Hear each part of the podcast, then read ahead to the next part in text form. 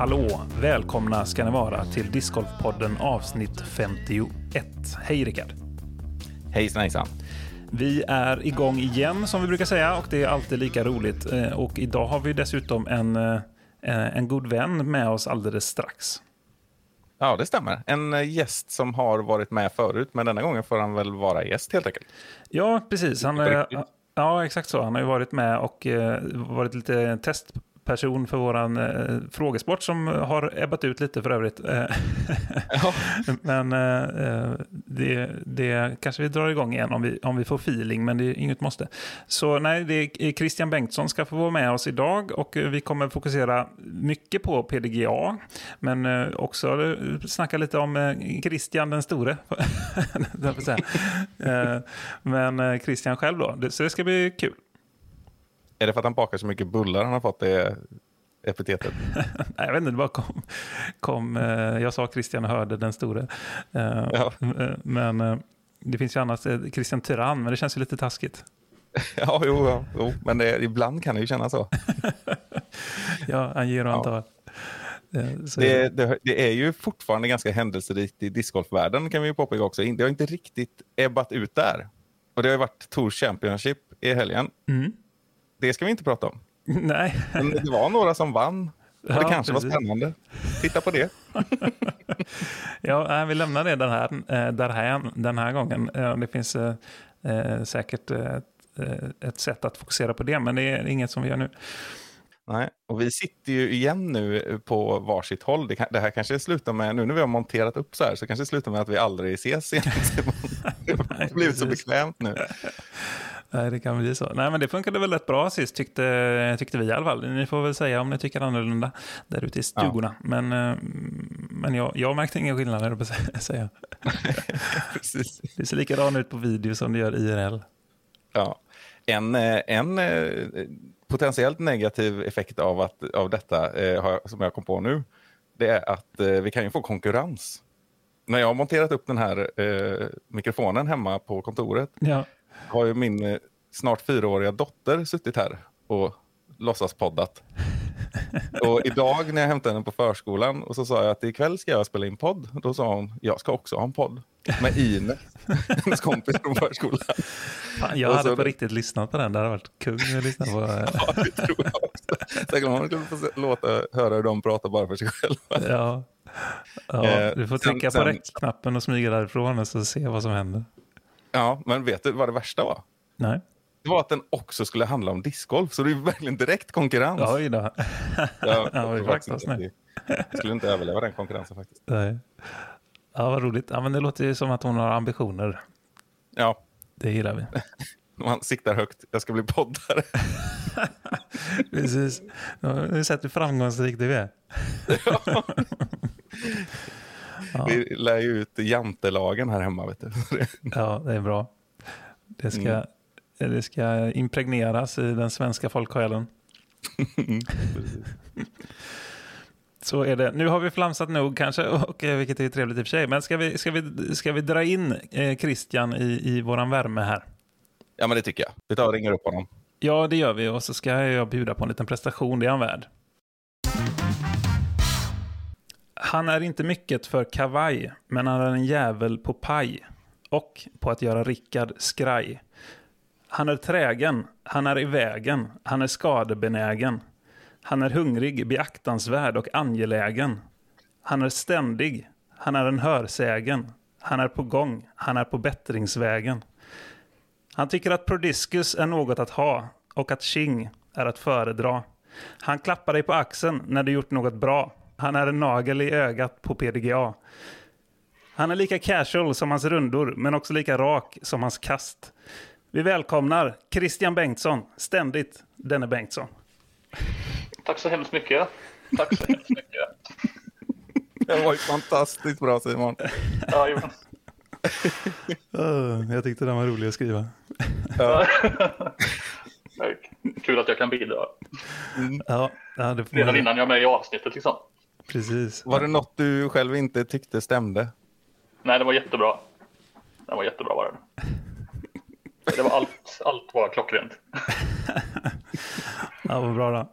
Jag, jag, gärna skulle vilja, jag skulle gärna vilja ändra på det här med skadebenägen. Liksom, så här. Men det är, ju, det är ju svårt. När man kommer upp i ålder tydligen.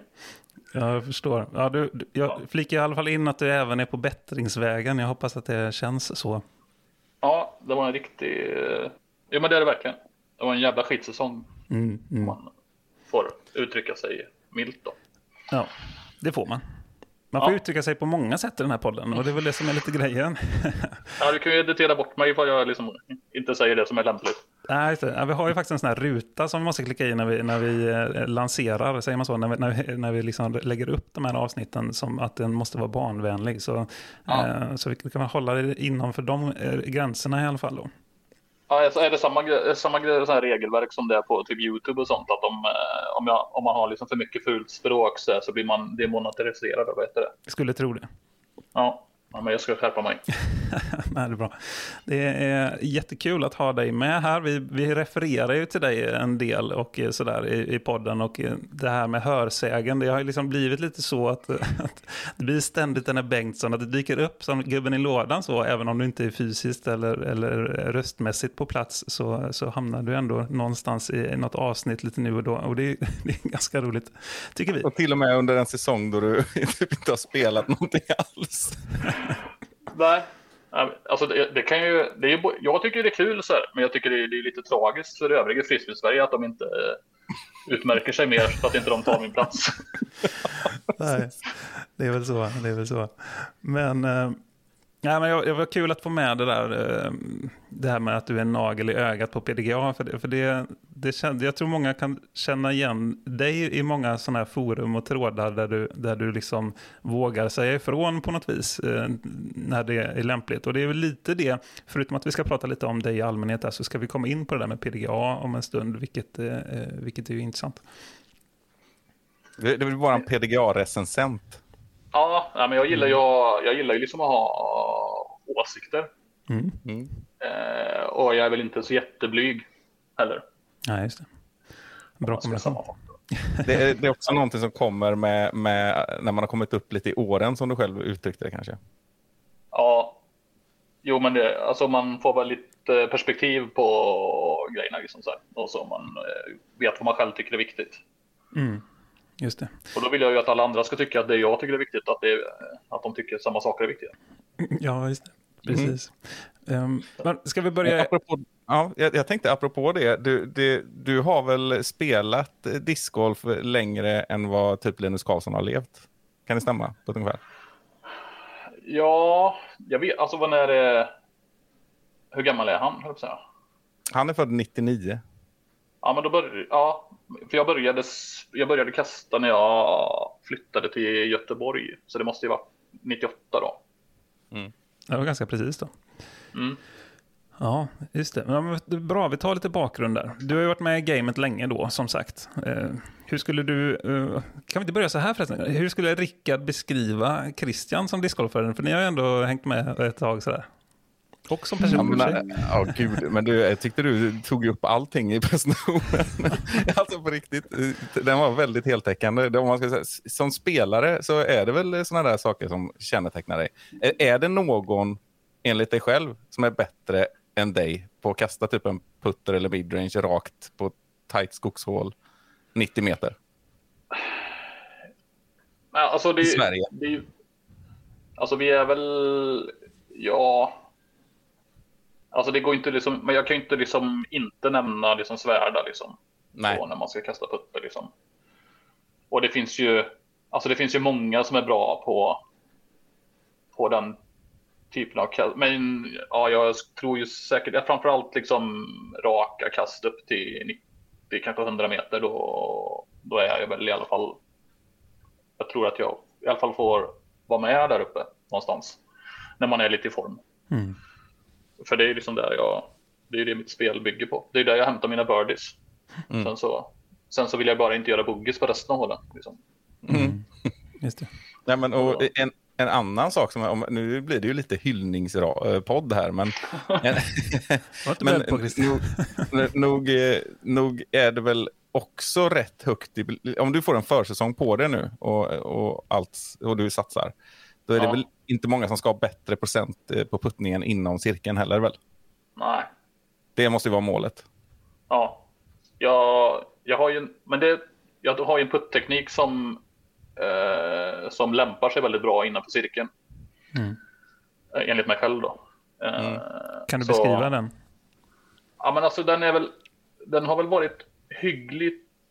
Alltså jag gjorde egentligen en stor omarbetning av den när jag skulle åka på VM, gubb-VM 2018 och blev lite aggressivare. Så jag puttar lite flackare och med lite mer spinn nu än vad jag gjorde tidigare. Förut var den väldigt loftig. Men den är väl lite sån, vet kallar, vad kallar man den? Splush. Ja. Den är ju, ja, den är ju liksom, det är en push-putt där jag lägger till lite handled precis när jag trycker iväg disken. Och jag har ganska bra, om jag har en hyggligt icke-fladdrig release. Så den liksom, det spelar inte så stor roll om det blåser lite. Och så här, och jag får ganska sällan långa returer. Nej, men och det är, en, är ju en uttalad strategi som du har uttalat många gånger också. Det här att träna puttar utanför cirkeln, det kan andra hålla på med. Vad är poängen? Ja. Sätter jag alltid inom cirkeln då... Ja, men, är- alltså, är man utanför cirkeln då är man ju bara en dålig kastare. ja, just det. Precis. Så, Ja, och sen Men så- kan det väl hända, om du, om du sätter 97 procent från 9,5 meter så slinker det väl i någon 12 och 13 meter också Ja. emellanåt. Jo, men det gör det. Alltså jag är inte, jag är inte jättedålig utanför cirkeln. Jag har ju, jag har grejer, men jag har ju ingen bra, jag har ingen bra hoppputt och sånt. Så det blir liksom när man kommer utanför 15 meter, då är man ju lite, då, då är det ju bara flax om den träffar korgen. Men Mm. Upp till 15 så borde jag liksom åtminstone träffa korgen. Mm. Innanför 10 så borde de gå in. Just det. Hur är din bild av det förresten eh, generellt? Eh, Du har väl en del, haft en del kontakt med stora spelare och sådär. Tränar eh, världseliten mycket på utanför 10 meter? Jag kan säga, min bild är att det är väldigt olika från person till person. Ja, det finns. Jag skulle säga nu så, så alla som är med i världstoppen nu, de tränar ju liksom svin mycket på allt. Mm. De är ju, de är ju liksom heltidsidrottsmän liksom. Men jag skulle säga för alltså när man när jag när man började tävla lite internationellt, då var det ju liksom, då var det inte många som som tränade svin mycket på speciella moment. I Sverige så var det ju liksom väldigt mycket, när vi, när vi började, då var det ju väldigt mycket liksom spela runder liksom på, på bra banor liksom. Och det var ju väldigt få gånger som man stod och nötte någonting. Det har man ju liksom fått, det har man ju liksom fått lägga, lägga in, nu läser senare för att man inte har så mycket tid bara. Mm. Eh, men allting har blivit så mycket proffsigare liksom. Det är ju skitjobbigt att hänga med nu. Eh, nu, krävs det liksom att man att man verkligen satsar. Det måste man göra även i Sverige. Liksom. Ska man liksom placera sig i topp 10 på vilken nationell som helst nu så då måste man ju, man kan inte bara åka dit och leva på gamla meriter. Liksom. Nej, och där, där är du, eller jag har i alla fall uppfattat det som att du är ganska duktig på att eh, eh, ja, nu har du ju tävlat ganska sporadiskt, men de tävlingarna du väl ändå har ställt upp i, då har du varit ganska noga med just att förbereda dig ordentligt och sådär. Eh, stämmer den bilden? Ja, eh, jo men det gör det. Alltså jag gillar ju eh, jag gillar ju att vara med och tävla när man är bra. För det är ju så lätt om man, eller, eller alltså man behöver inte, jag behöver, det är inte så viktigt för mig liksom att placera mig bra på en tävling, men jag vill spela bra. Alltså jag vill känna att jag har fått ut det jag vill eh, Mm. få ut av mitt spel. Liksom. Det är ju skittråkigt att gå runt och missa linjer och, och inte sätta några puttar. Och, alltså det är ju ja, extremt frustrerande. Eh, så då, då vill jag liksom, jag vill ge mig de bästa förutsättningar jag kan liksom, för att kunna liksom, ha roligt när jag tävlar. För det, nej men så är det. Och, och framförallt när man ska jag, kan ju, jag har ju sett ju rätt långsiktiga mål när det gäller mina eh, mitt tävlande. Liksom, att jag sätter kanske upp en, en stor tävling per säsong som är, det är faktiskt den tävlingen som jag verkligen vill prestera på. Och när jag deltar på tidigare tävlingar de säsongerna, då spelar egentligen inte resultatet så stor roll, utan det är mer att jag vill veta att jag ligger bra till i, mot mitt stora mål om man säger så. Vad det nu kan vara. EM eller SM eller det kan ju vara vad som helst som man sätter upp som ett mål. Ja, just det. Vad är ditt stora mål 2023? Det är lite flytande just nu. Så här, egentligen skulle jag vilja åka på, eh, på gubb-VM igen. Eh, men nu vet jag att de kommer vara på så himla tråkiga banor. Vart då någonstans? Ja, det är i Arizona någonstans. Eh, jag har kollat lite YouTube-klipp från eh, banorna och det är riktiga sådana eh, amerikanska ökenlands... Ja, det är liksom sådana ökenlandskapsbanor. Liksom det är bara kasta igenom några träd, landa på massa stenar. Ehm, ja, vi får se. Eh, annars så är det väl, annars är det väl dags för eh, ett separat Masters-EM va, igen nästa år. Ja, det borde det ju vara. Har de sagt någonting om vart det ska vara? Nej, jag har inte hört något. Nej. Men eh, det är ju alltid intressant. Jag tyckte att jag var gav mig förutsättningarna förra EM när jag åkte dit och var bra tränad och allt sånt. Men jag fick liksom inte riktigt ut det på. Så då får man ju får man ge sig chansen igen då. Mm. Jag tänkte på det att, eh, för du, ja, du kom femma på eh, EM förra året. Mm. Ja. Eh, 2025, då har du inte fyllt eh, 50 än va? Nej, jag har ett, eh, ett år kvar där. Ja. Då, har vi ju, då, då spelar vi ju i samma klass. Ska vi åka till USA då tillsammans eller? och köra. Eh, jo, men det kan man, det kan man göra. Alltså jag, egentligen så, jag försökte ju egentligen lobba på Svärda för han ville åka och spela gubb-VM när han, eh, när han blir grandmaster. Men Mm. jag tycker att han ska åka på VM eh, någon tidigare. Eh, är det okej att pausa en liten stund? Det Mm. knackar på dörren här. Ja. Jag ska bara se vad det var.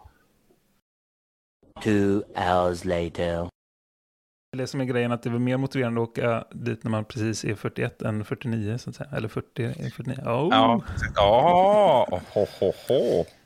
Du bjur väl? Två lådor kakor. Nice. Det, det var mycket snack om försäsongsträning. Jag skulle säga där rökte hem med. Jajamän.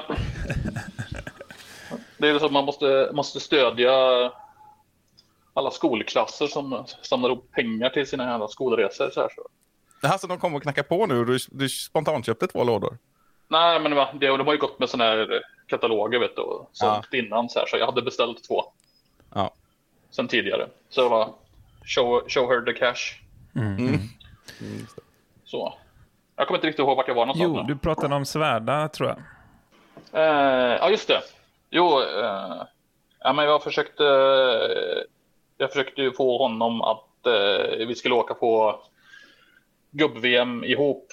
En, åtminstone en gång tidigare innan han åker på Grandmaster-VM. Liksom för att han ska komma på banan lite med. Så, för han har ju verkligen möjlighet att prestera på i Grandmaster-klassen. Så tycker att han, han ska inte komma dit som första gången på länge liksom, utan han ska vara lite akklimatiserad. Mm. Så det hade varit kul. Men eh, Just det. men nu när det blir så tråkiga banor så då rinner väl ut i sanden. Det är ju som. Det är ju ändå förenat med en viss kostnad att åka på de där tävlingarna. Ja, det har du rätt i. Ja, nej, men vi får väl planera där. Det, det hade varit kul att, eh, om, att om ni drog med Rickard vid tillfälle när han är nygubbe och får ha lite nollning. Ja, men det är ju alltså det är ju. eh, Får man chansen så ska man ju åka. Liksom. Det var lite som, eh, som när du åkte på EM förra, förra året, Rickard. Mm. Alltså, även om du inte hade några liksom, kanske förväntningar på att du skulle prestera när du var där, så, utan det är, liksom, det är liksom själva grejen att åka. Får man chansen liksom, så är det ju som ta den liksom. För det är ju ett minne för livet. Det var ju som bara första gången när vi, eh, när vi åkte till och man fick spela i Santa Cruz och fick spela De La Viega och, och de här banorna liksom. Och verkligen se de bästa i världen kasta på de här ställena. Jag hade ju liksom inga förväntningar på mig själv när jag åkte dit. Så här, det var, man ville ju spela bra men det är ju ändå så här. Man bor 10-12 svenskar i något hyrt, hyrt hus och liksom umgås i två veckor och får bara spela massa discgolf. Det är liksom, det är svinkul. Liksom. Mm. Ja, det kan jag Det tänka får mig. ingen missa den chansen. Nej, precis. Du, du pratade ju med oss innan här också och sa att du hade startat upp din försäsong. Och Jag är lite nyfiken på, eh, Jag har ju sett hur den har sett ut i tidigare då, men är det mycket medicinboll och puttning? Eller vad? Eh, ja, inte så mycket puttning än, men det är, just nu så har det varit mycket cykling eftersom eh, jag har dragit på mig eh, åkomman gubbvad. Eh, så det blir svårt med löpning. Annars, har jag, annars gillar jag ju liksom att springa mycket. Dels för att jag är lätttränad när det gäller löpning och att det är en väldigt det är ju en lättåtkomlig motionsform man liksom kan ta sig direkt ut för från husdörren liksom och så är liksom, finns ju träningen där. Annars är det mycket funktionell träning då, just med medicinboll och kettlebells och egna kroppen som, som vikt. Då. Eh, där mycket bygger på liksom core och eh, jag får ju ofta problem med höfter. Så det är mycket, mycket träning för att man ska bli smidig kring höftböjare med mera. Just det. Och om du ska ut och smygträna på bana så är det Allingsås eller Vårgårda va? För det är väl där i krokarna du Mm. håller till? Jajamän. Nu har ju liksom det blivit så himla populärt att kasta frisbee i Alingsås så att det är svårt att få tillgång till något bra träningshål i Alingsås. Så jag brukar faktiskt oftast åka till Vårgårda om jag, om jag ska välja att kasta lite tränings, träningskast på bana. Mm. Och du vill gärna stå och nöta i en och samma lucka timme efter Ja, timme? jag har ju liksom ett upplägg egentligen på när jag, om jag ska träna själv på bana. Det är ju liksom att jag vill. Jag har ju egentligen en plan när jag åker dit. Om jag ska kasta eh, putter eller midrange och det ska vara ett visst typ av kast. Kanske jag vill att jag om det ska vara flip eller det ska vara lite. Eh, ja, vilken typ av kast jag nu tycker att jag behöver träna på den dagen. Och då tar jag bara egentligen bara med mig diskar utav den typen och så har jag ju liksom att ja, men den här de här tre hålen på den här banan är bra för just det. Och jag kan ju egentligen göra det. Jag, jag kan ju åka. Jag kan ju sätta mig i bilen och åka till Mösseberg liksom och göra samma upplägg och bara stå och kasta. Även om det är liksom kanske en av Sveriges finaste banor så kan jag ändå liksom bara stå och kasta på tre, fyra hål där Ja, ja. och slösa bort, slösa bort en dag. Men det är mest, det är mest för, liksom för att man ska få lite miljöombyte också kanske. Det är, Köta lite med Mike. precis, precis. Det är liksom, det är ju värt bensinpengarna bara börja. Ja, precis. Eh, jag tänkte, det är kul att höra om, om eh, ditt upplägg och så, men vi kanske ska vi testa att skifta fokus mot eh, PDGA eh, en sväng, för där har vi ju alla lite tankar och, och inte minst du Bengtsson eh, Ja. om, om diverse ting. Eh, eh, sk- vilken ände ska vi börja tycker ni? Alltså jag tänker, eh, jag tror att fler, fler och fler har börjat få upp ögonen nu. Jag tycker man ser det även i svenska diskussionstrådar och så där också. Att, att just för att, att det finns en, vad ska vi kalla det för, arrogans för, från PDGAs sida. Framförallt en sån här eh, centrering kring eh, USA. Att man inte ser utanför USA, eller världen utanför USA. Nej, men det, det håller jag definitivt med om. De, de har haft, jag skulle säga att de har haft, eh, de har fått mer och mer problem. Alltså de senaste, senaste åren. Eh, Eller så var det bara att jag inte, att jag inte upplevde det på samma sätt liksom tidigare. Och liksom att man inte, man inte såg tecknen liksom så här. Mm. Men eh, de är ju ändå en, de är ju liksom en spelarorganisation för oss spelare. Men det känns som att de mindre och mindre bryr sig om oss som spelare. Och framförallt oss spelare som inte är i USA då. Ja, Ja, precis. Nej, men det, det är viktigt att, att komma ihåg då att det är en spelarorganisation. Det är liksom inte ett förbund. Det är inte ett globalt förbund. eh, Nej, på det precis. sättet. Och det är dessutom ett, ett, eh, en organisation som numera är väldigt, väldigt rik. Mm. Vågar väl påstå. Ja, absolut. Och det är ju Ehm. med våra medlemspengar och de ska verka för oss spelare. Och det är väl där det börjar eh, skava lite grann. Ja, för det, är väl, det kanske är också lite som att vi har ju sån himla olik syn på det här. Och sen de liksom myntade det här begreppet eh, grow the sport. Eh, jag kommer inte ihåg hur många år sedan som de liksom började jobba för det, men det är väl att vi, när man är föreningsmänniska och kommer från liksom Sverige och kanske stora delar av åtminstone Nordeuropa så här, så då har ju vi en väldigt annorlunda syn på vad grow the sport är jämfört med hur man växer sporten i, i USA. Eh, På vilket och det sätt då, en- tänker du? Ja, men de är ju väldigt mycket för att, eh, att de är väldigt toppcentrerade. Alltså det är inte, alltså du, du växer sporten genom att eh, gynna ett, eh, ett litet fåtal utav eh, de professionella eh, toppspelarna. Och jag vet att det var första gången som jag liksom hängde upp mig på liksom, deras arbetssätt. Det var när de, när de ville att PDGA skulle skjuta till eh, att de skulle budgetera stora delar, eller en, en väldigt stor del pengar skulle budgeteras till att gå direkt till prispengar till den amerikanska nationella touren. Mm. Det, det, var ju liksom, det var ju, ja, jag kommer inte ihåg hur mycket det var, men det var ju kanske, säg att det var 50-75 000 dollar någonting, vilket är rätt mycket för oss. Mm. Verkligen. Här i Sverige i alla fall. Som skulle gå liksom, ja, liksom till en pro purse då. Vilket kändes jättekonstigt. Ja, det är väldigt konstigt. Alltså det är en sak om man på något sätt skulle fördela det jämlik utefter hur många representanter det finns i olika länder i PDGA och eh, att, mm. att varje typ motsvarande nationell tour då skulle få en procentuell e- del av de här pengarna eller någonting i den stilen så att man verkligen visar att alla får vara med på ett hörn. Då är det väl en sak, men att det skulle bara gå till USAs liksom, eh, topptour, det är ju märkligt. Ja, och det var lite min invändning för det var, mitt ifrå det var egentligen hela mitt ifrågasättande, liksom så här, liksom vad var incitamentet för oss som vi som inte är amerikanska torspelare, eller vi, vi, som inte ens är med, vi som inte ens är på den kontinenten och kan mm. vara med och tävla om de prispengarna. Liksom vad var ens vårt incitament till att betala medlemsavgiften till PDA när mina pengar går till deras nationella tour?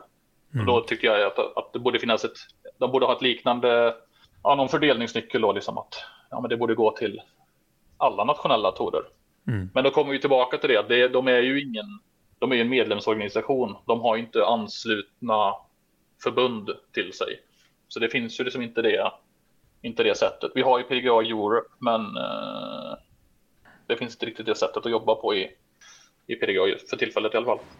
Nej, men då det, det, ett annat stort problem med det är ju också att jag som har sett dina kommentarer och sett de gånger du har fått svar också, mm. Att diskussionen blir ju helt obegriplig, för de förstår ju faktiskt inte kritiken överhuvudtaget. De, de, de kan inte förstå problemet. Liksom. Nej, man blir ju oftast, eh, man blir oftast betraktad som ett troll. Då. Ja. Att, man, att man är där och kommenterar för att liksom, riva upp känslor eller någonting. Mm.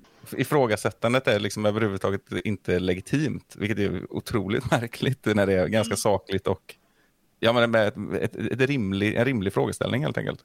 Ja, det blir väldigt, det blir väldigt tydligt så här liksom för att man får väldigt mycket, alltså i de fall man får något medhåll eller några kommentarer så är det ju oftast att man får medhåll från oss övriga europeer och att man i extremt sällsynta fall faktiskt får någon feedback från PDGA själva. Mm. Mm. Men vi, vi skulle kunna hitta ett par fler exempel kanske på, på vilket sätt som de, de liksom centreras kring Nordamerika kontra Europa.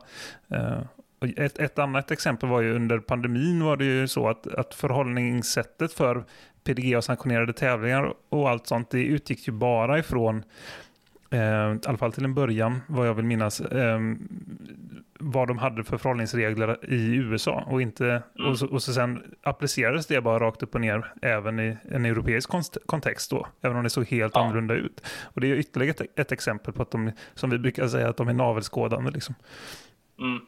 Ja, de stängde väl ner hela möjligheten att anordna PDGA-tävlingar va? Ja, mm.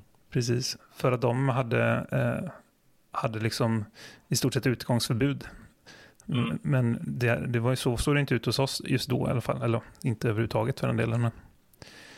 Nej, och det konstiga med det var ju just att de hade ju inte behövt hantera den situationen överhuvudtaget. Eftersom det hanterades ju på varje lokalt ställe för sig. Vad man fick och mm. inte fick göra. Alltså det, det hade ju inte gått att göra en PDGA-tävling om inte de övriga restriktionerna, nationella restriktionerna hade... Om du tillåter det, ja men kör då. Ja, alltså, de hade, ja, de hade inte behövt ta ställning ja. liksom.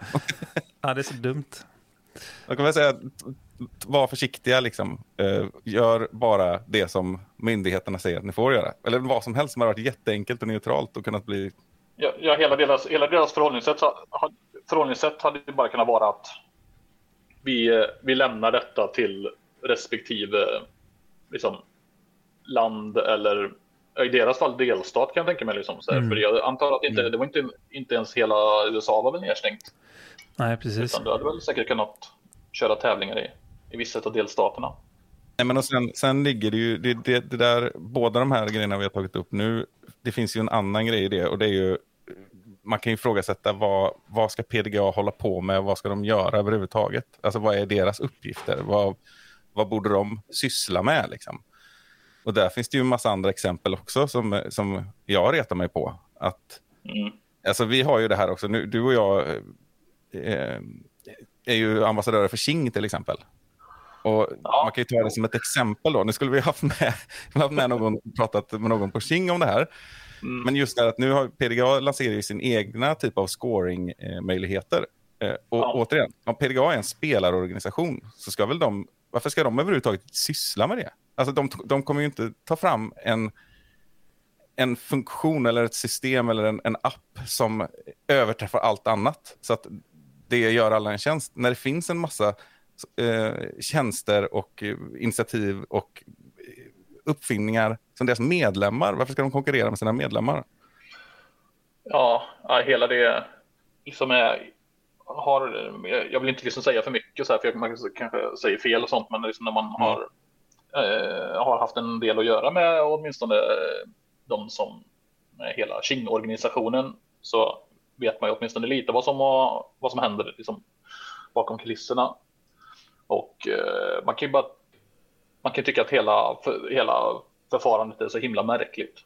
Eh, och, och som du säger, det, det finns ju inget, inget mervärde för mig som PDA-medlem att mina medlemspengar går till att ta fram den här online-scoring-appen eh, för PDA-tävlingar. Eh, inte, inte om man jämför med de liksom, eh, produkterna som redan fanns på marknaden. Nej, det var väl bättre att stötta dem då och göra ett, ett sätt där det på- möjligtvis då samverkar än bättre med PDGA-system. Det är ju en sak då. Men att de ska liksom på något sätt ta monopol på allt som har med discgolf att göra lite grann då känns det ibland. Eh, Det, det är ju tråkigt.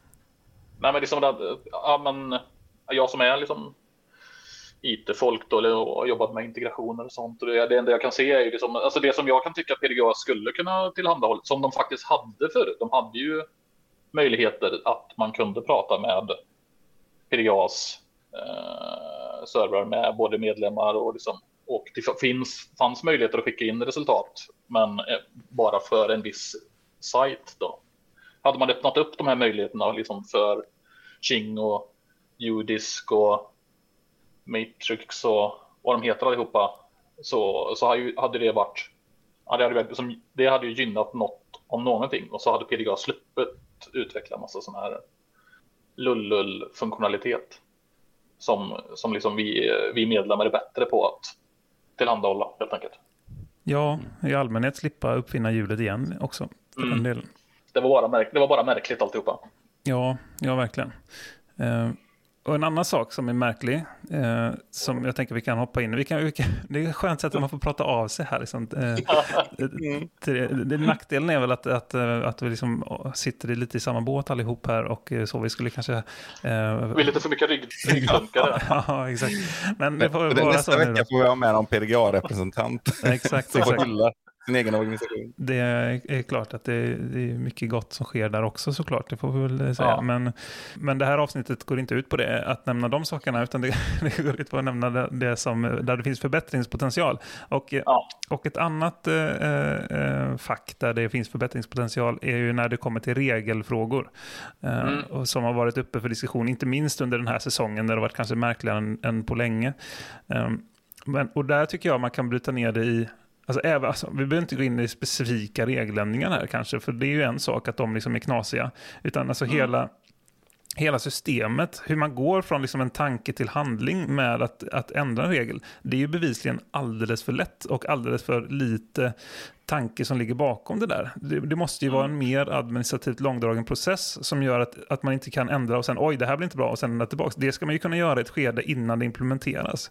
Eh, Så Mm. Det kan jag störa mig Det känns ju inte extremt som mycket att de använder sig av någon sorts remissystem direkt. Nej, exakt. Eh, jag vet inte, har du varit inne i någon sån eh, diskussion, Christian? Eller? Nej, det här är väl mest bara liksom en eh, sån sur gammal gubbe som bara eh, uttrycker min besvikelse över regeländringar som jag tycker är konstiga. Helt okej. Alltså på, på regel, regeländringar som är uppenbarligen, alltså som, som bevisligen är rätt usla. Som liksom, eh, så har de liksom ingen, eh, de har liksom inte modet att rulla tillbaka dåliga regeländringar. Nej. Nu kan jag tycka att man, man skulle aldrig behöva göra dåliga regeländringar överhuvudtaget. För det, för eh, hade man haft det liksom remissystemet så hade de aldrig liksom hamnat i regelboken överhuvudtaget. Nej, precis. Nej, det är det som är huvudproblemet tycker jag. Då. Alltså, man kan Ja. jämföra med andra sporter som, som eh, alltså, Erik Mellgren som vi pratar med mycket. Eh, han har ju, brukar ta ett exempel till exempel med, med eh, att Arsene Wenger har haft ett, ett, en tanke, alltså för detta tränaren i Arsenal, han har haft en tanke om att man ska kunna ändra offside-regeln.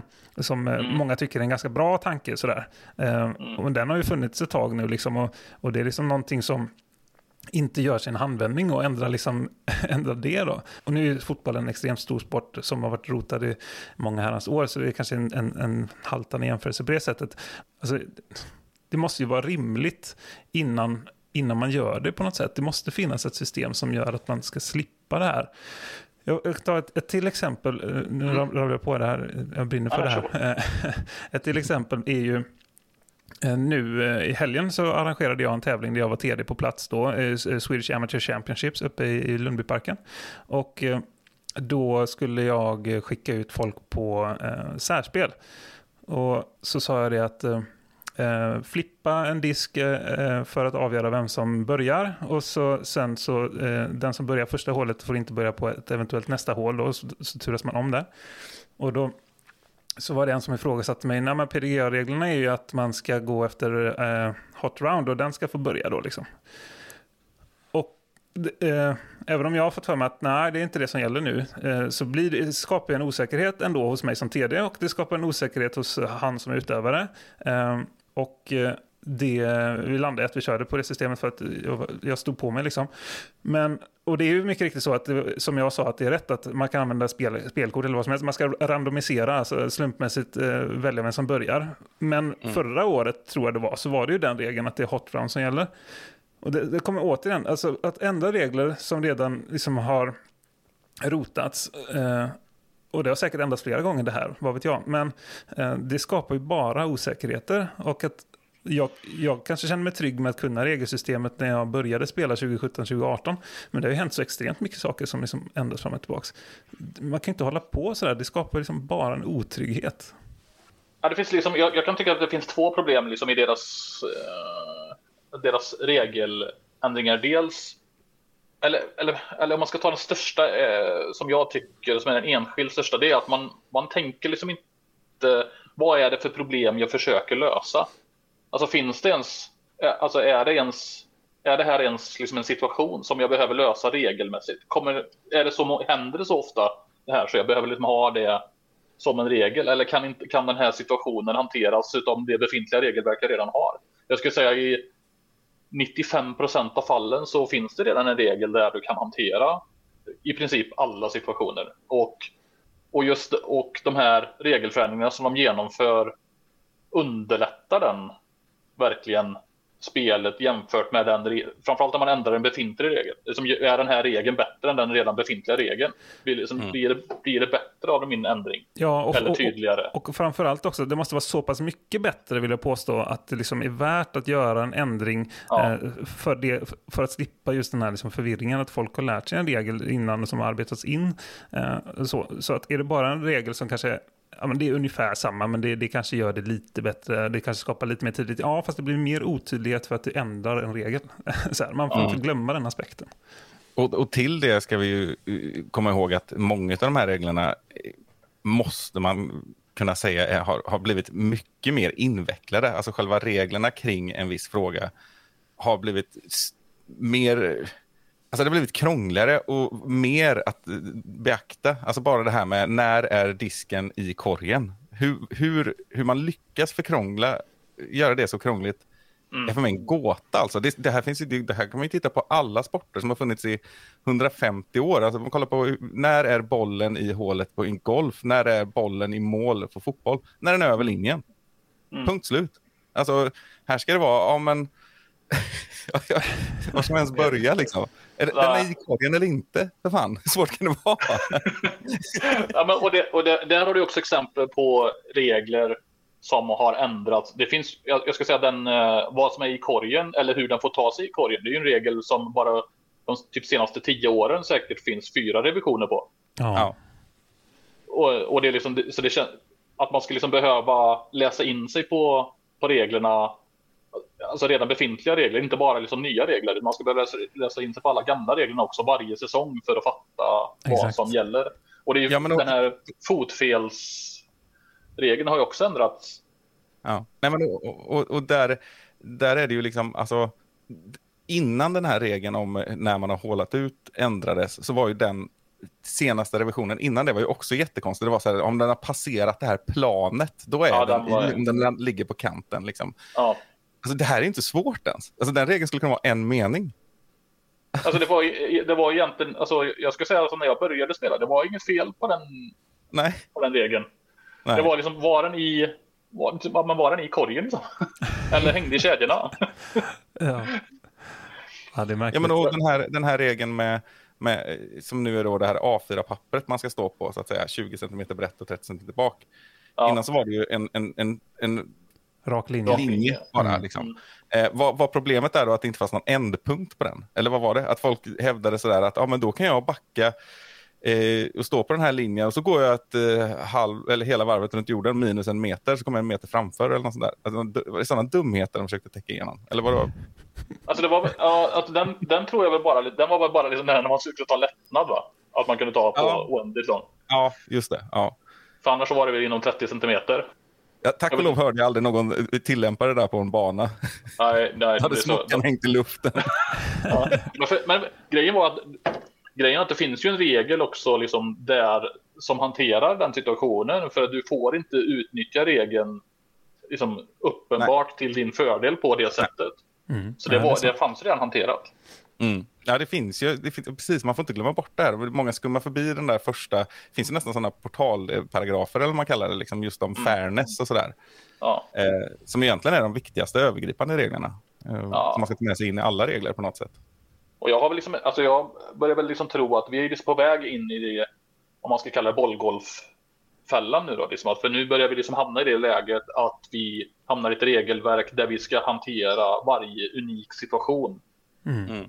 Vilket gör att vi kommer hamna i sånt att vi kommer vara tvungna att ha de här regelproven liksom för alla spelare kontinuerligt. Man kommer vara tvungen att ta ett grönt kort så att du kan reglerna när du går ut på banan. För du kommer inte kunna spela om inte du har läst de här 80 sidorna med discgolfregler. Liksom, så här. Det var ju det som var så himla skönt. Om vi hade typ 12 paragrafer med tre bokstäver under varje. Liksom, kunde man dem så kunde man spela discgolf liksom, och tillgodogöra sig liksom, och, och ha liksom, roligt på, på banan och, och åka ut och tävla dessutom och inte, utan att göra bort sig.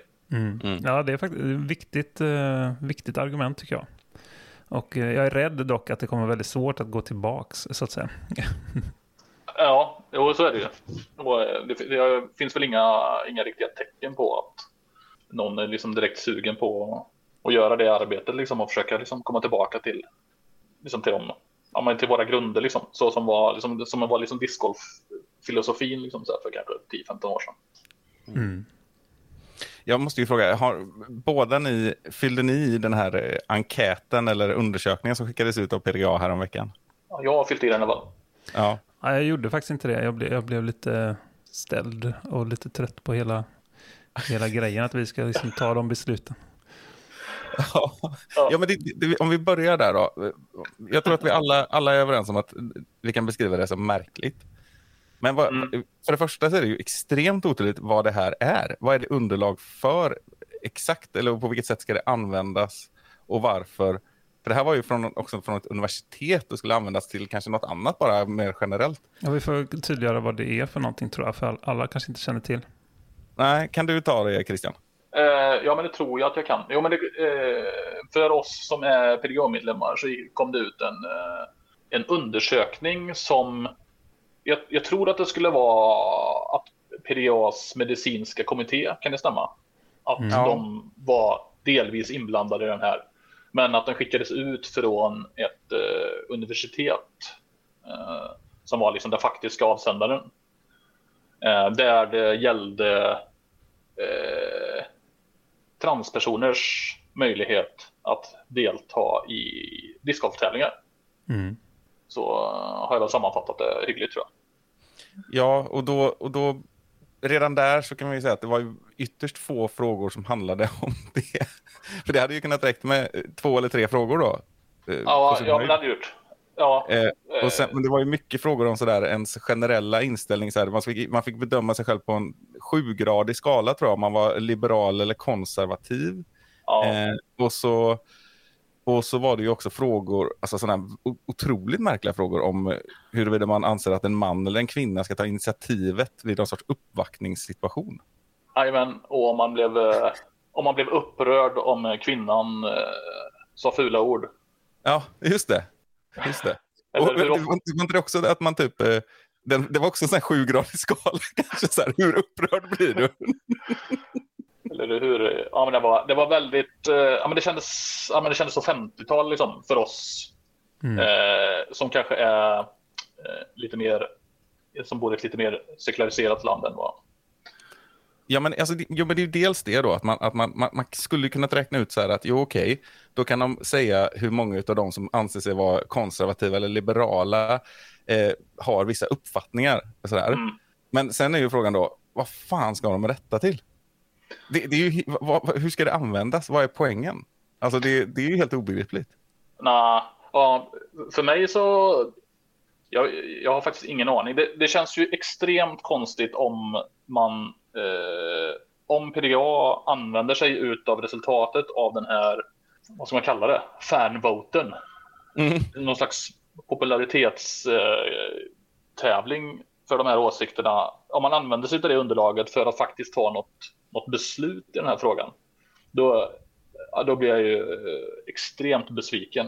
För, eh, för det, dels så det är ju ingenting som någon av oss har någon kunskap av Nej.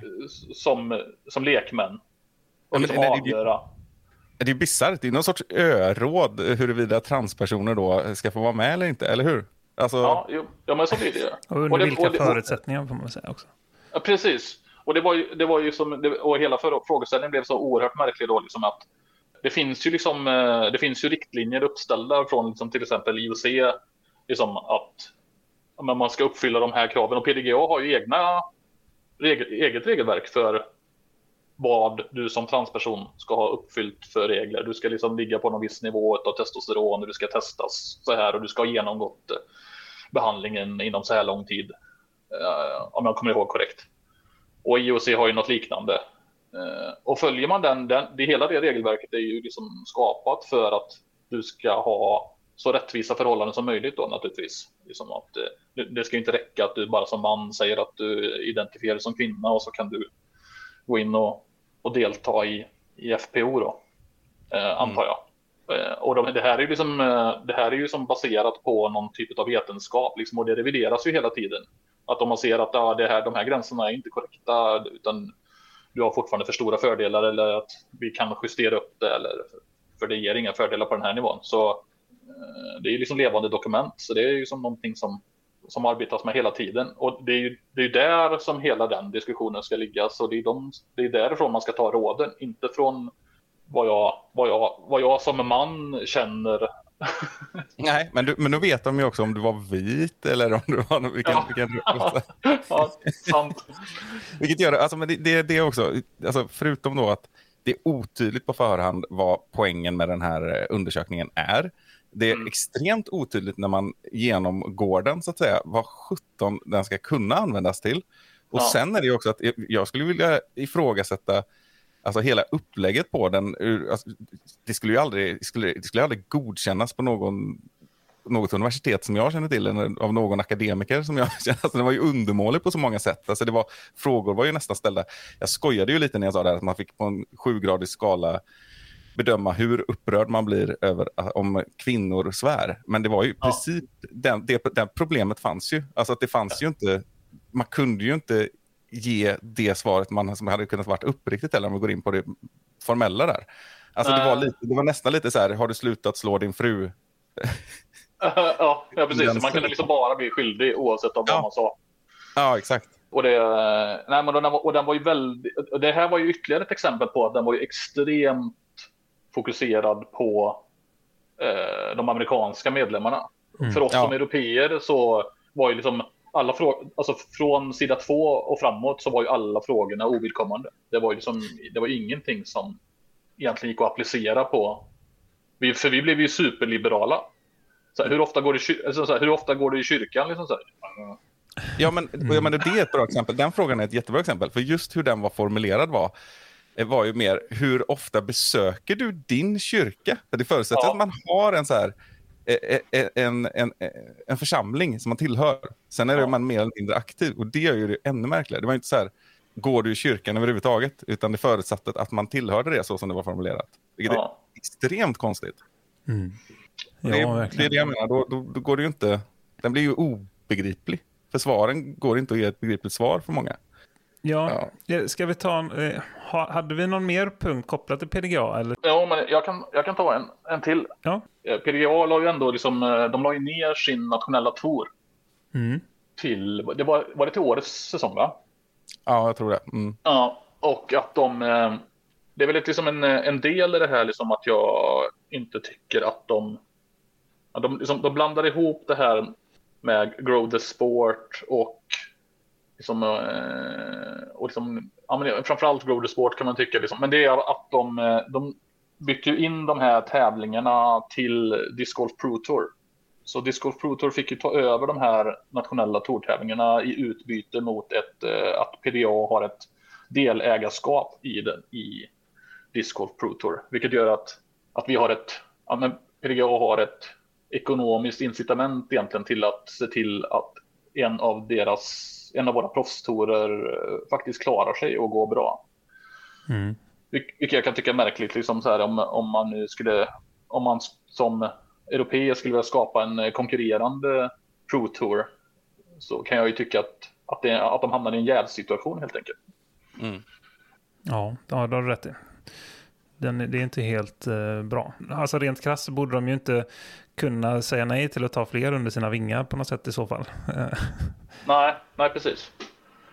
Men jag kan, och för, för jag kan ju se liksom så här att det skulle kunna hamna liksom i, alltså i framtiden, så här, om, om, eh, framförallt om sporten fortsätter växa eh, mer i Europa än vad den gör i staterna så kommer ju det, vi, då kommer det liksom komma fler krav på att stora tävlingar Eh, ska hamna i Europa och att om det, när, framförallt liksom när det ska planeras datum och, och hela, den, eh, hela den delen Nej, men för, att- för att knyta samman lite till där vi började då. Alltså, jag tänker att det är, det är ganska viktigt att starta upp de här diskussionerna. Om det, om det, vi har lyssnare som inte har tänkt på reflekterat över detta så tror jag det är ganska bra. Och vi har ju möjligheten att vara ganska ensidigt kritiska också.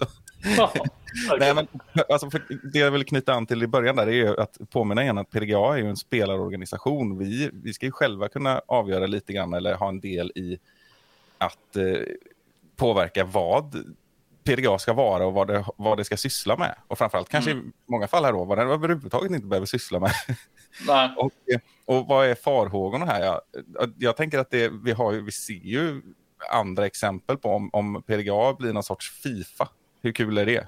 Ärligt talat. Det finns, ingen, det finns ingen anledning för det. Att, att, att inte stoppa detta så fort som möjligt. Nej, det nej, men-. Ska, för att koka ner det, vad PDGA ska vara då? Vad tycker vi att PD- PDGA ska vara? Om vi ska, kan vi försöka komma överens om det? Ska det, ska det bara inom citationstecken vara en, en organisation som eh, tillstår riktlinjer och eh, ett, ett ratingsystem som fungerar och ett, ett regelsystem som de förhoppningsvis kan, kan komma till rätta med? Eh, är det ungefär i den utsträckningen? Eller är det, vad ser ni mer att de ska bidra med? Jag börjar gärna här. Alltså, Jag skulle vilja säga att ja, typ så. Alltså, jag tänker, om man, det som har varit problemet genomgående här, det är ju att jag saknar transparens för det första. Ja, Och verkligen. för det andra då lyhördhet. Alltså att, att man inte ens förstår kritik är ett jätteproblem. Och det tror jag inte bara är på individnivå, jag tror att det har blivit lite strukturellt där. Eh, och i detta då, då kan jag också påpeka att jag tror att vi, vi kan mycket väl återkomma till ett annat avsnitt och prata med någon till exempel på PDA Europe. För det är delvis en separat organisation ska vi påpeka. Och eh, vi kanske har, kan ha annat hopp om den. Men det finns nog också tankar och det kanske finns kritik inuti eller folk som har ställt upp i val för att, eh, för att de tänker annorlunda och vill eh, förändra. Liksom. Eh, men ja, transparens och lyhördhet. Mm. Är det något du vill tillägga där, Christian? Jag håller för övrigt med om det. Uh, ja, ja men, och sen så, jag, alltså, jag tror egentligen att också att, liksom, att förbundet, alltså det förbundet behöver liksom förändras i grunden. Att, uh, att hela organisationen behöver liksom förändras till att jag, jag tror inte vi kommer komma bort från problematiken om det fortsätter vara ett spelarförbund. För, det kommer, för så som det är nu med att det är ett spelarförbund, det är att eh, hela, det är att de respektive, om man ska säga de associerade medlemsländerna har ju extremt olika mycket att säga till om. Mm. Eftersom, vi, eftersom eh, när vi sätter de här board of directors och sånt så är det personval och eh, det blir ju det landet som har flest, flest medlemmar som röstar får ju in sina, sina personer helt enkelt. Och så länge, så länge USA har liksom, överlägset flest medlemmar i den föreningen så, så ser inte jag liksom något hopp om att, att andra länder får mer att säga till om. Nej, nej, det skulle vara det som Rickard är inne på då, att, att liksom PDA Europe kanske skulle då bli, kunna bli mer och mer självständigt möjligtvis. Eh, Ja. Men att man har liksom verktyg gemensamt, me- mer eller mindre, men, men inte så mycket mer då kanske. Ja, men absolut, absolut. Eh, och det är alltid som att det, det kanske snarare blir liksom motparten i våra frågor. Jag tycker det, det, kanske, det är liksom en liten. Eh, jag tycker det vore tråkigt att vi skulle behöva göra liksom hela den resan en gång till egentligen. För jag tror att man skulle kunna ha en, en paraplyorganisation som skulle kunna fungera. Mm. Men om inte de, om inte de tar liksom. Jag vet inte, liksom, det är svårt att veta hur, hur, eh, hur medvetna de är om diskussionerna som går liksom ute liksom bland spelare eftersom de aldrig svarar på kritik och de är väldigt, som de säger, det är väldigt lite transparens liksom i, från organisationen i sig. Så här.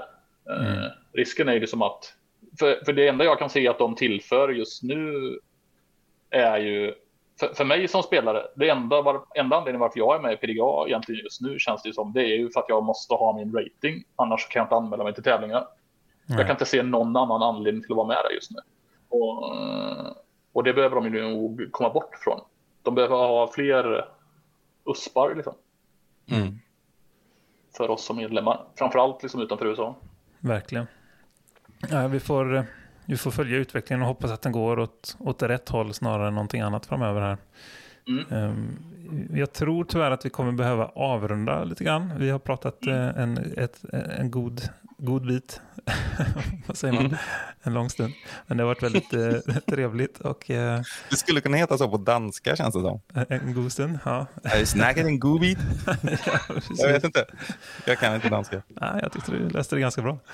Ja. Men eh, du Christian, vill du ge något, någon shout-out till någon eller något sista medskick eller så? Nu ska jag köpa era diskar naturligtvis på eh, Nordic Disc Golf. Mm.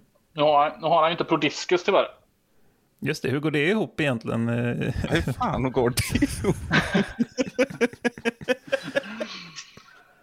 Men det är väl bara en tidsfråga innan han börjar ha lite ha mina fantastiska diskar också. Ja, det är en sån här fnissig stämning här, men det, det är väl härligt. Eh, nej, men absolut, shoutout till Prodiscus och eh, Nordic Disc Golf. Nordic Disc Golf, Bra. så är det. Eh, jag hoppas också att vi, att vi lyckas eh, få någon runda ihop här och att, eh, att du hamnar på tävlingar som jag är på lite mer frekvent under 2023. Men det var väl ditt mål, kommer fram till, att du ska tävla lite mer. Ja, men nästa år, det kommer ju faktiskt, det får man ju ändå säga liksom att det kommer ju, det kommer ju lite roliga större tävlingar i Sverige nästa år. Jag är ju jävligt taggad på att åka och spela Ymer igen. Mm, just det. För er som inte var där så kan jag rekommendera att försöka åka på den tävlingen. Mm, då är det Swedish Open vi pratar om. Swedish Open. Eh, De har verkligen, det är ett verkligen lyft för banan med den nya guldsträckningen där. Ja, och duktiga personer bakom spakarna där också. Jajamän, tävlingen är ju alltid top notch där. Det, Mm. måste man ju, det måste man ju säga. Eh, sen så blir man ju lite sugen, men det var väl, skulle bli, väl vara i Skellefteå också va?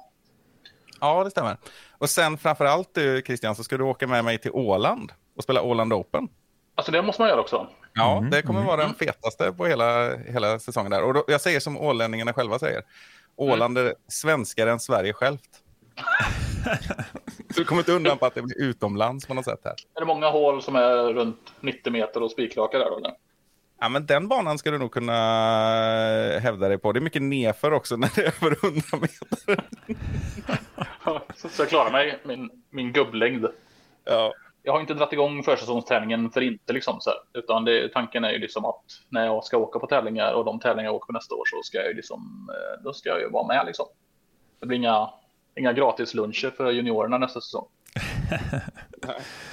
Härligt. Det, det låter bra tycker jag.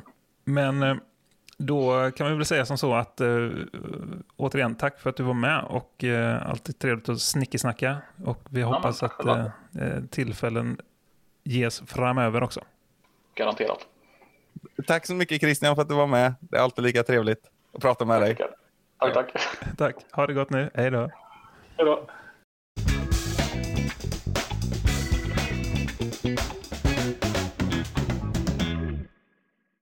Sådär ja, nu har vi snackat PDGA och eh, Christian Bengtsson i eh, ja, en timme i alla fall skulle jag tro att det blev. Eh, vad känner du in, i, kring detta Rickard? Det här är ju någonting vi har känt att vi velat prata om länge. Så det var väl bra att det blev av. Då får vi se om vi får några, några reaktioner på det här också. Det hade väl varit intressant oavsett om det är om man eh, håller med oss eller eh, tycker annorlunda så är det jätteintressant. Mm, verkligen. Det kan ju finnas att, att man kan...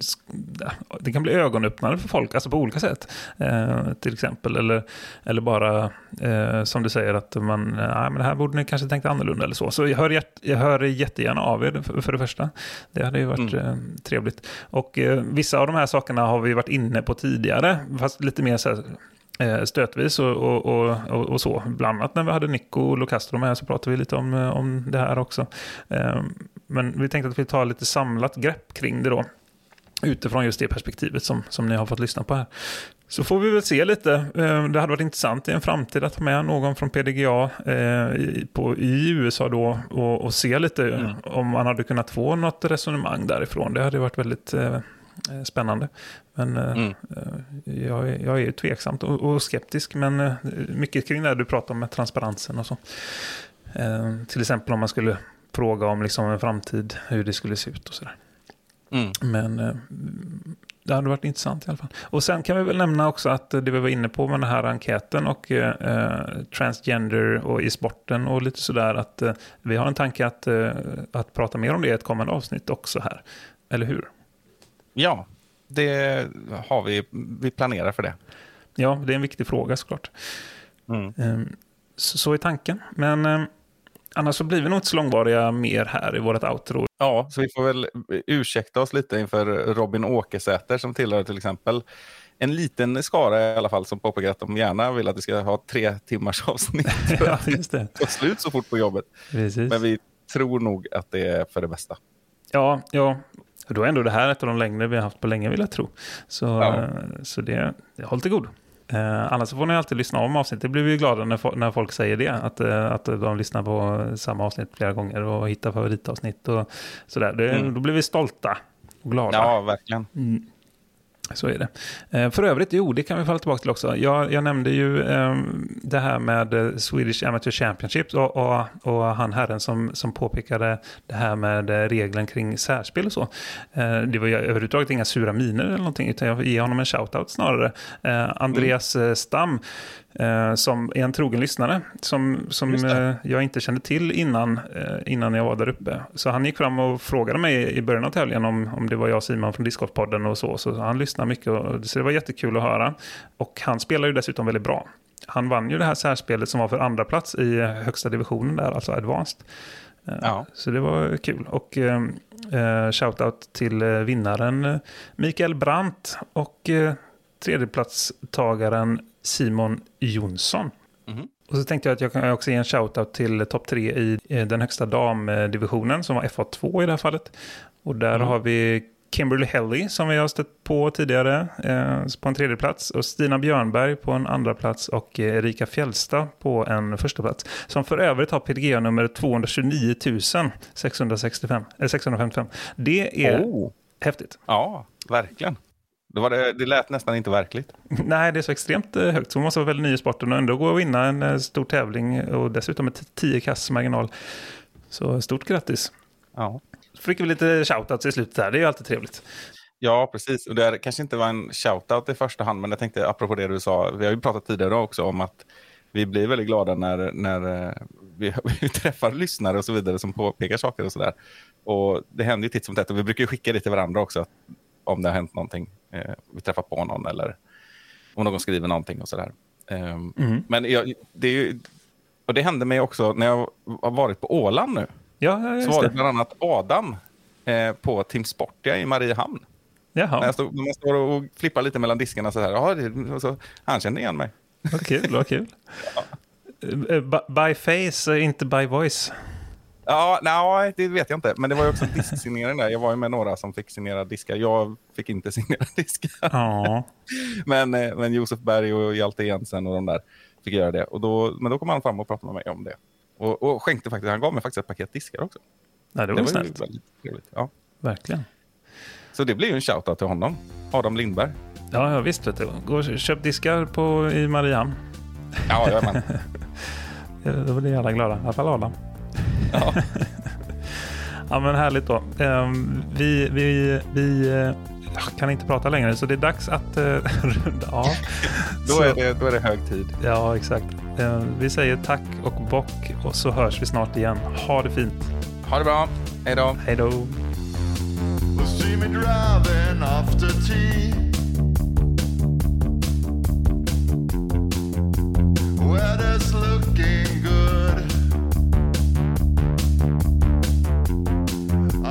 Bag full of tricks. Yeah, I got them spinning. I'm listening to music you can't hear. I got my magic plastic in the air.